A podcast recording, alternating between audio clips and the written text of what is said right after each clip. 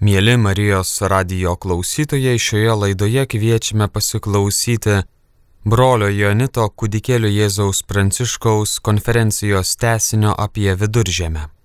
Einam prie mano knygelės, kur reikėtų gal bent trumpai paminėti, kad, geriau suprastume, kodėl ta viltis tokia svarbi. Jisai, e, Tolkienas savo tam rimčiausiam, svarbiausiam, ilgiausiam straipsnėje on fairy stories, apie pasakas, e, jisai ten e, labai moksliškai analizuoja, kokią įtaką tos pasakos realiai daro e, mums, ypač, ypač mūsų laikų kultūrai, mūsų laikų žmonėms.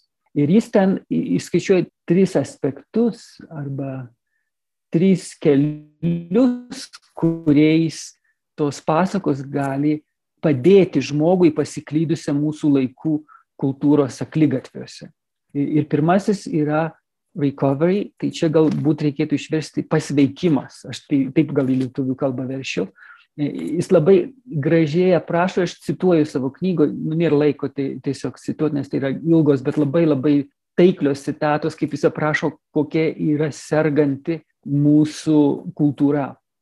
Apimta tokios depresijos, sakyčiau, tokios analogiškai acedijos arba ekedijos mūsų, mūsų kultūra. Ir, ir Tolkienas sako, tai yra, tai yra lyga, tai yra lyga.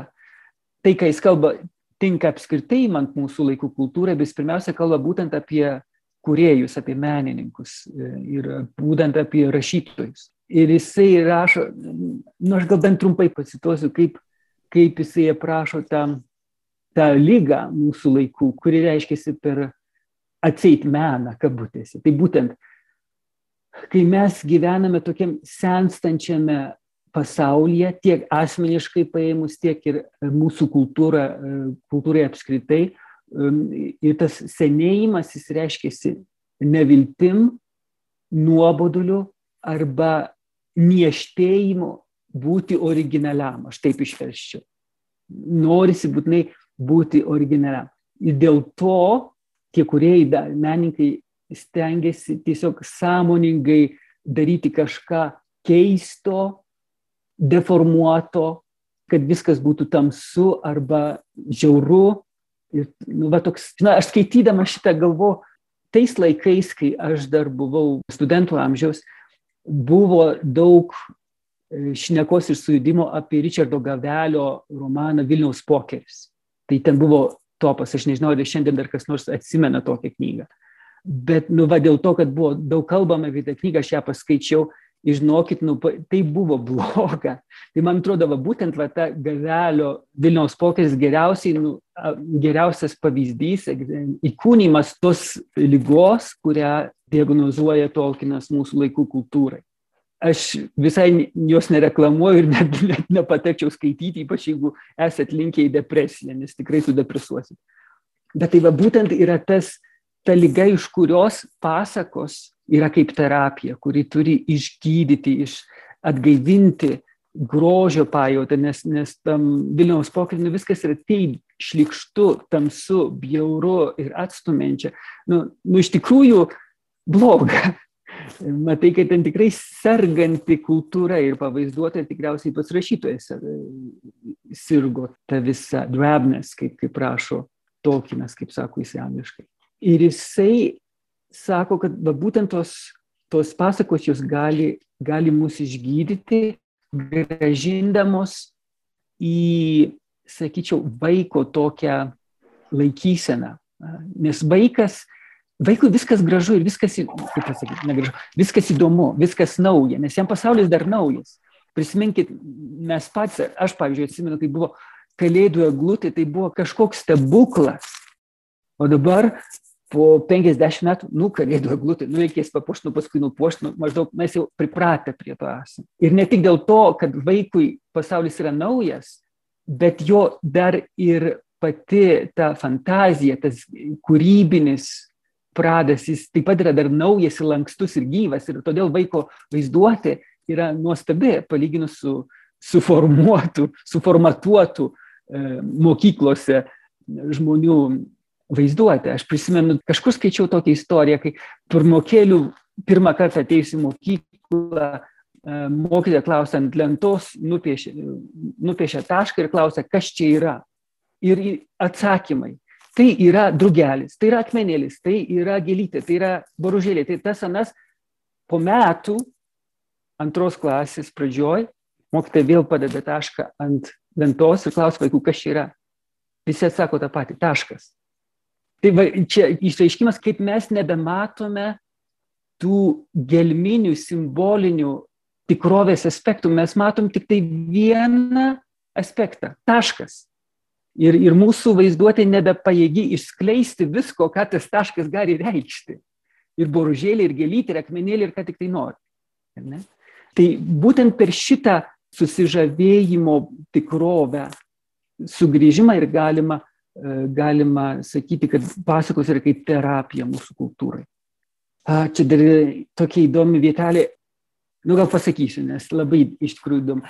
Chestertonas yra kalbėjęs apie tokį Morifok pasaulį. Kas tai yra tas Morifok? Iš tikrųjų tai yra coffee room, kavinė, užrašyta iš lauko, bet kai tu žiūri iš vidaus ir, ir skaitai atbulom, tai yra Morifok. Ir, ir Chestertonui tai buvo kaip ženklas, kad, nu, va, kai tu pasižiūri į visai kitokių kampų į pasaulį, jis taiga tampa va, tas stebuklingas fantastiškas, netikėtas pasaulis, morifokas. Ne šiaip koks kofirum, bet, bet tas pasaulis, kur kaž, kažkas gali bet kurią atveju įvykti ir kur tas taškas jis gali reikšti ir buružėlę, ir gėlytę, ir, ir akmenį, ir ką tik tai nori. Tas sugebėjimas pažvelgti iš kitos pusės, iš kitų kampų, pamatyti tikrovėje tai, ko niekas nemato, nes nu, visi mato tik tai tašką. Antras kelias, kuris reikalingas mūsų kultūrai išgelbėti pagal tokį, net yra escape, pabėgimas. Pabėgimas, kaip jisai sako, ne, ne kaip dezertyravimas iš mūsų tikrovės, kurioje mes gyvenam, bet kaip pabėgimas iš kalėjimo.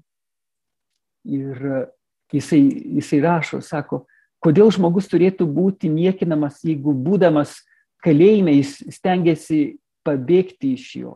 Arba jeigu jis to negali padaryti, kad jis masto ir kalba apie ką kitą negu apie kalėjimo sienas ir, ir sargybinius. Ir pasaulis už kalėjimo ribų nėra mažiau realus todėl, kad kalinys negali jo matyti. Tai čia vienas iš tokių labai aiškiausių Tolkino e, vietų, kuris aiškiai sako, kad, kad pasakos jos nurodo į tą dvasinę tikrovę, kuri nėra tiesiogiai matoma mūsų pozityvistinėm akim.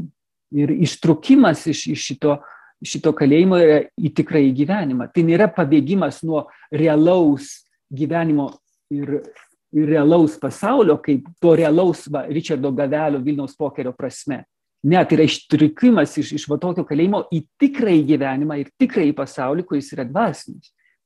Pasaulis ir dvasinis gyvenimas. Ir trečiasis kelias, tai Tolkino supratimu yra paguoda. Paguoda, kur Teodora ir į mūsų, mūsų žiedamos e, pokalbio temą į, įtraukė. Paguoda, kuri reiškėsi, aš tai pabandysiu kuo trumpiau sukišti, kuri reiškėsi tuo, ką Tolkienas vadino, vadino eukatastrofa. Dabar kas yra ta eukatastrofa? Eu graikiškai yra geras. Katastrofa nu, yra blogas dalykas, katastrofa, ar ne? Tai čia yra kaip gera, tai yra katastrofos antipodas. Reiškia, vi, visiškai netikėtas, nelauktas, neįsivaizduotas posūkis mūsų gyvenime gyvenimo įvykiuose ir ypač pasakose į gerą pusę. Tai yra ta eukatastrofa arba happy end, netikėta laiminga pabaiga. Ir jis ten įverdina tiesiogiai, ten jau tikrai kaip teologas rašo Tolkienas, kad toji eukatastrofa žmonijos gyvenime buvo, žmonijos istorija buvo Kristaus įsikūnymas ir Kristaus gyvenime eukatastrofa buvo jo prisikėlimas. Ir būtent ta eukatastrofa tikėjimasis, kad gėris nugalės, kad pasisuks viskas, net jeigu, net jeigu žmogiškai žiūrint, nu, nėra jokios, jokios vilties. Ir tas labai matyti žiedų valdovę, kai Frodo, Frodo misijoje, nu, kaip tu atsilaikysi prieš tokį galingą Sauroną su, su tūkstančiais orkų nu, nu, neįmanomas dalykas, kaip, kaip Boromyras ir, ir sakė, tai yra Gendalfas tave siunčia į labai aiškę mirtį pražūtį. Ir Sarumanas irgi Gendalfui prikaištauja filme, e, toj prailgintoj serijai, kad nu, tu išsinti į, į garantuotą mirtį. Tai, kad tu, kad tu sakai, kad tu myli ir, ir brangini kaip draugą. Ir va, nepaisant to, žmogiškai žiūrint, visiškai, visiškai nu jokios vilties, įvyksta ta eukatastrofa. Ir ten būtų irgi, bet nėra laiko, būtų labai įdomu pasižiūrėti analizę, kaip, kaip iš tikrųjų Tolkienas labai subtiliai prašo Dievo apvaizdos veikimą, net ir mūsų silpnumuose, pasinaudojant blogio gėrio pergalį. Ir čia turiu omeny būtent tą epizodą, kai Frodas nepajėgia, nepajėgia paleisti žiedo paskutinę akimirką. Ir tada Golumas nukanda tą, tą žiedą su, su visų Frodo pirštu ir įkrenta į, į likimo e, kalno gelmes. Tai blogis pats save sunaikina, nes nu, Golumas jau tikrai buvo taip galutinai pasirinkęs blogį tą akimirką.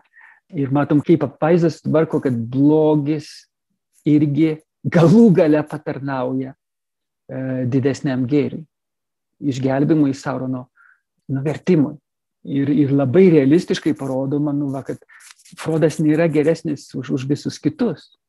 Ir elfus, ir, ir žmonės, ir hobitus, jis, jis irgi ne, negali atsilaikyti prieš šitą žiedo galybę. Niekas iš mūsų negalime atsilaikyti prieš, prieš nuodėmę. Tai yra, tai yra neįmanoma. Tik tai Kristus mumise tą gali padaryti.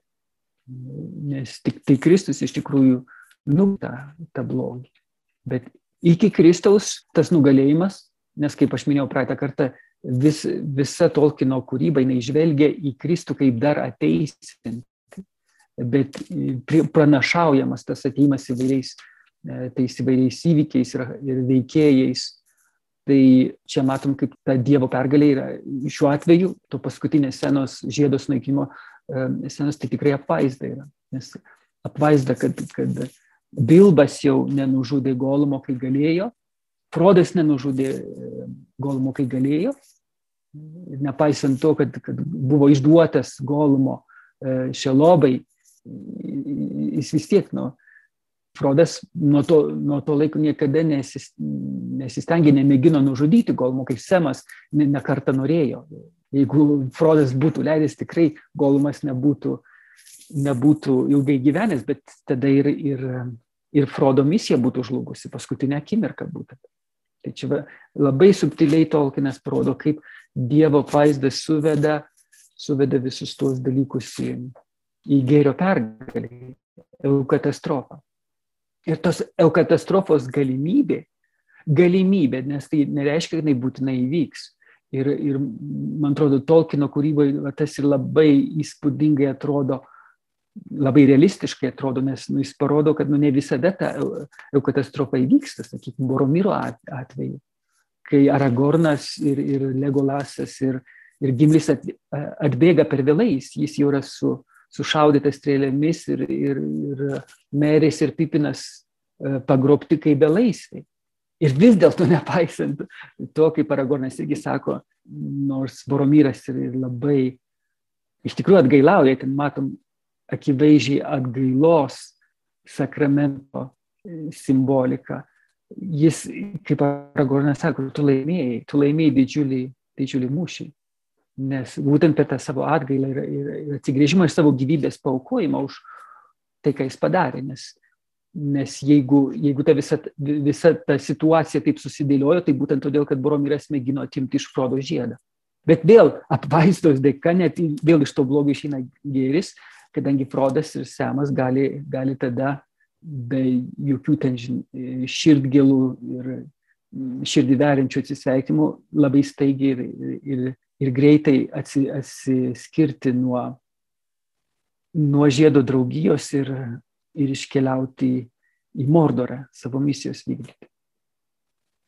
Ir būtent va, tas katastrofos egzistavimas tiek Tolkieno kūryboje, tiek žmonijos istorijoje. Kaip Tolkienas rašo, netgi tos, tos pasakos, jos visada, kiekviena gera pasaka, rašo Tolkienas, būtinai turi turėti tą katastrofą, tą netikėtą posūkį, kai gėris nugali blogį, kai nu, visiškai, visiškai neįmanomose situacijose. Nepaisant, kaip jisai sako, didžiulės akivaizdybės mūsų kasdienybei, kad nu, nu, nebus tos katastrofos. Tai yra stebuklas, kitaip sakant. Stebuklai, jie būna, jie vyksta, bet jie nėra automatiški. Jie nėra kaip dėsnis, kaip priežasties padarinys. Jie būna, kada Dievas norės. Ir tam, kam norės, ir taip, kaip norės. Ir būtent tai teikia viltį. Ir čia, va, būtent, man atrodo, menininkams labai įdomu būtų pasižiūrėti tą aspektą, kad pagal Tolkieno analizę grožis, meninis grožis, dvasinis grožis, moralinis grožis, jie yra kaip vilties kaip čia pasakyti, va tos vilties įkūnymas arba blykstelėjimas mūsų kasdienybei. Grožis yra kaip pažadas, kaip pranašystė e, galutinės eukatastrofos, to, to, to išlaisvinimo. Ir Tolkienas suveda, kad grožis jis būtinai reiškia pasakose, e, toje fantazijoje ir mūsų gyvenime.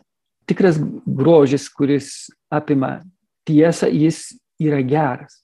Gėris ir grožis yra susiję, kaip ir bjaurumas, šlikštumas susijęs su, su blogiu. Jisai duoda tokį pavyzdį. Jisai, jisai sako, kai mes skaitom pasakas, mums labai lengva įsivaizduoti, kad žmogėdra gyvena kažkokiam šlikščiam urve. Tai yra nu, normalu, nes ta, to žmogėdros blogumas reikalauja, kad jo aplinka būtų tokia. Prisiminkim, kad ir hobite, pavyzdžiui, kai nikštukai su bilbu atkeliauja į trolių, į trolių tą e, olą, kuris smirdi ten baisiai, tragiškai ir, ir viskas apversta. Nu, žodžiu, jisai sako, kad tik blogis ir šlikštumas yra susiję. Lygiai kaip ir grožis ir gėris yra susiję. Jisai rašo, Tolkienas rašo, sako, mes negalėtume įsivaizduoti kokį nors pastatą skirtą geram tikslui, sakykime, užeiga e, keliautojams arba kokio nors dorybingo ir kilnaus karaliaus rūmus, mes neįsivaizduojam, kad tai galėtų būti kažkas šlikštaus. Ne, tai turi būti e, kažkas jaukaus ir gražaus. Sakykime, tas e, šokančio ponio užeiga e, Brymestelėje arba Minas Tirito vietininko rūmai, iš tikrųjų Gondoro karaliaus rūmai, tai, tai, tai yra gražu. Net ir Teodeno karalius, Teodeno Rohano karalius, kuris, kurie yra mažiau kultūriškai išsivystę, sakykime taip, negu gondoriečiai. Bet ten irgi yra toks primityvus, bet, bet e, gražus, autentiškas grožis. Ir Tolkienas sako, kad va, būtent grožis jisai kartu su savimi atsineša ir gėrį. Ir atnešdamas gėrį jis tarsi pranašauja galutinę to gėrio pergalę mūsų istorijoje, mūsų kaip pasaulio, mūsų žmonių, žmonijos istorijoje, kuri yra nu, va, keurai persunkta ir vis labiau persunkta to, tos tamsos, šlikštumo, bjaurumo, beprasmybės, visų tų dalykų, kurie veda nu, į visišką neviltį. Ir aš gal tada pabaigsiu pacituodamas tokius žodžius popiežiaus Pauliaus VI, uždarant antrąjį Vatikano susirinkimą. Ir tą Pauliaus VI žodžius cituoja Benediktas XVI savo, savo laiškė menininkams. Jisai, ir Paulius XVI 65 metais taip sakė.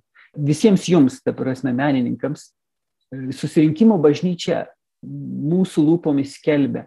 Jeigu jūs esate tikrojo meno draugai, jūs esate mūsų draugai. Ir jis tęsia, šitas pasaulis, kuriame mes gyvename, reikalingas grožio, grožis kaip ir tiesa į žmogaus širdį įkvepia džiaugsmą. Ir būtent tas džiaugsmas yra brangus vaisius, kuris gali atsilaikyti prieš bet kokį laiko, kaip pasakyti, nu, nuvalkiojimą, nu, išgraužimą kuris suvienyje kartas ir įkvepia žmonės žavėtis. Žodžiu, esmė yra ta, kad jeigu mes kūrėme grožį, Ir čia, žinoma, kas pirmiausiai kalba apie meną, ar tai būtų rašymas, dailė, muzika, skulptūra, kinas galų gale mūsų laikais. Bet koks grožis, jis mums jau kalba apie, apie gėrio pergalę. Ir, ir, ir pranašauja tą gėrio pergalę. Ir todėl, kai mes kūrėme tokį, tokį grožį, mes dalyvaujame to galutinio gėrio ateime. Ir um, gal dar sakyčiau, kad yra ne tik tai tas meno grožis, yra taip pat ir moralinis grožis, dvasinis grožis į kurį turėtų vesti tiek natūralus grožis, sakykime, kažkokio peizažo arba žvaigždėto dangaus ar saulėlydžio, saulėtekio, turi tiek tas natūralus, tiek sukurtasis menas, jis turi mus vesti į dvasinį grožį, į moralinį grožį, kuris reiškiasi būtent per, per darybės pirmiausiai ir taip pat per, per visus tas krikščioniškas temas, kurias aš jau minėjau, tai būtent savęs pasiaukojimo grožis, nuolankumo grožis, laisvo pasirinkimo grožis. Tai visas toks grožis iš, iš tikrųjų kovoja Dievo kovą mūsų pasaulyje, mūsų širdyje, mūsų kultūroje. Ir kiekvienas, kuris prisideda prie tokio grožio kūrimo, kaip Tolkienas, sakykime, savo žydų valdovų arba, arba jūs, aš čia kreipiuosi į menininkus savo, savo paveikslais, savo muziką, savo, ką jūs bekurtumėt, mes tokiu būdu nešam, nešam pasauliui viltį. E, net jeigu žmonės ir nesavo, grožis jis tarsi atgaivina, atgaivina iš tos nevilties, iš tos akedijos ir, ir kreipia žmogaus žvilgsnį į kažką aukščiau, tai būtent į gėrį, nes grožis ir gėris, kaip matėm, Tolkino mintį ir labai susiję. Tai tiek, kiek aš čia labai sakau, taip padrikai, kiek įmanoma mėginau suspausti. Dabar dar norėčiau bent porą klausimėlių atsakyti kurie man atrodo labai svarbus kai kurie. Bet toks klausimas, bet kodėl nėra minimas nei Dievas, nei Jėzus rašytojų kūryboje, jei vis tik jis buvo gyvai tikintis krikščionis. Kokiu būdu tuo metu įmanoma netikinčiam žmogui suprasti krikščioniškai kontekstą jo kūriniuose. Kodėl aš imu šitą klausimą, nes man atrodo jis yra super svarbus, kad krikščionybės esmė nėra žinios, nėra supratimas, nėra žinojimas, kad yra Dievas, kad Dievas tapo kūnu, gyveno tarp mūsų, e, numirė ant mūsų ant kryžiaus ir prisikėlė. Ne tai yra krikščionybė. Krikščionybė yra tai, kas kalba mūsų širdžiai ir kas keičia mūsų širdį. Ir būtent, kai mes skaitom Žydų valdovą ar bet kokią kitą gerą knygą, e, kur yra tas quest, tas, tas ieškojimas, sunkus, sunki kelionė į tikslą, į gėrio pergalę prieš blogį, tai kalba žmogaus širdžiai, nes tai yra ką Jėzus dėl mūsų padarė. Jeigu Tolkienas, sakykime, būtų labai aiškiai rašęs, net, net ir simboliais, bet alegoriškai rašęs, taip kaip Liujisas rašė Narnijos kroniką, kur ten sakau, jau durnam aišku, kad Liūtas Aslanas yra, yra Kristus. Nu, daugybė žmonių visiškai ne, nebūtų skaitę, nes yra daug žmonių čia vakaruose, aš tikrai žinau, kurie nenori skaityti Narnijos kronikų, nes žino, kad yra krikščioniška alegorija ir jiems bloga nuo krikščionybės. Žinot, problema yra, kad žmonės mūsų laikais yra persisotinę krikščionišką kultūrą, amžiais besitęsusią tą krikščionišką kultūrą ir yra tarsi paskiepyti, turi tarsi imunitetą prieš krikščionybę. Ir bent, bent koks kvapelis e, tokio aiškesnio krikščioniškumo iš karto žmonės e, atsigrėžia prieš. Visiškai neracionaliai, yra toks kažkoks, nu va, kaip automatizmas, sakyčiau, sakau, toks kaip imunitetas susidaręs. Ir vienintelis būdas pramušti tą imunitetą, Tolkino supratimu ir mano giliu supratimu yra būtent per grožį. E, per grožį kaip kelią atgal pas Dievą, nes tai vienintelis būdas, kuris dar gali paliesti šio laikinio žmogaus širdį, kuris e, atmeta tiesą ir, ir atmeta gėrį, aš turiu omeny moralinį gėrį. Ir tuo pačiu gal tada ir kitas klausimas yra, ar egzistuoja toks dalykas kaip krikščioniškas menas. Tai yra, ar galime tvirtinti tokios savokos koncepto logiškumą, validumą. Tai čia vėl labai priklausytų nuo apibrėžimo, ką mes vadinam krikščionišku menu. Jeigu krikščioniškas menas yra, sakykime, ikonos, ar ne, kur yra labai pagal aiškius kanonus, krikščioniškomis temomis rašomos ikonos piešiamos, nu, bet sako rašomos ikonos. Ar tai yra krikščioniškas menas? Formaliai žiūrint taip, nes tai yra krikščioniškos temos, krikščioniški kanonai, krikščioniški sužetai, krikščioniški veikėjai. Bet krikščionybės esmė, kaip sakiau, nėra tos tiesos, kurios gali nubėgti mano protu kaip vanduo per žasies plunksnas. Krikščionybė yra tai, kas kalba mano širdžiai, įsišaknyja mano širdį ir perkeičia mano širdį. Ir tokiu atveju krikščioniškas menas būtų toks, kuris yra sukurtas krikščionių. Ta prasme, kai menininko kūryba įkvėpta jo krikščioniško tikėjimu, kas labai akivaizdu Tolkino atveju su žiedų valdovais, su Marilijonu ir net Hobbitu. Aš duosiu tokį pavyzdį. Čia Amerikoje va taip netyčia atskapščiau šitą istoriją, yra tokia sekta, hinduistinė sekta ir jie piešia, nesakau rašo, bet būtent piešia krikščioniškas ikonas ir iš to uždirba didžiulius pinigus. Nors patys jie visiškai netiki Kristaus. Ir plus dar išsiusdami klientams tas ikonas, jie jas paukoja savo stabams. Ir, nu, va, sakau, kad taip netyčia užtikau šitą istoriją visą ir ortodoksų bažnyčia labai griežtai sako, kad nu, tai yra šitoniškas darbas. Iš išorės tai atrodo, kad yra krikščioniškas menas. Ir tarp kitko, kodėl žmonės tai perka? Todėl, kad yra skoninga, gražu. Nepalyginsi su, su tom kičinėm ikonom, kur, kur galima gauti kiekvienam, kiekvieno elektroniniai parduotuviai. Nes, nu, dėja, dėja, bet krikščionis dažnai pasižymi kičo gamybą. O, o jie daro tokias labai skoningas, labai gražias ikonas, bet ten, ten tikrai jos nėra krikščioniškos, nes tai yra stabų garbinimas iš tikrųjų. Kaip, nu va, kaip pavyzdį duodu. Ir kita vertus, vėl tai, kas atrodo, kas atrodo nu akivaizdžiai blogai, aš čia duodu vėl tokį kontroversišką pavyzdį, metalas, atrodo, kad tai tikrai metalas yra šitoniška muzika, ne?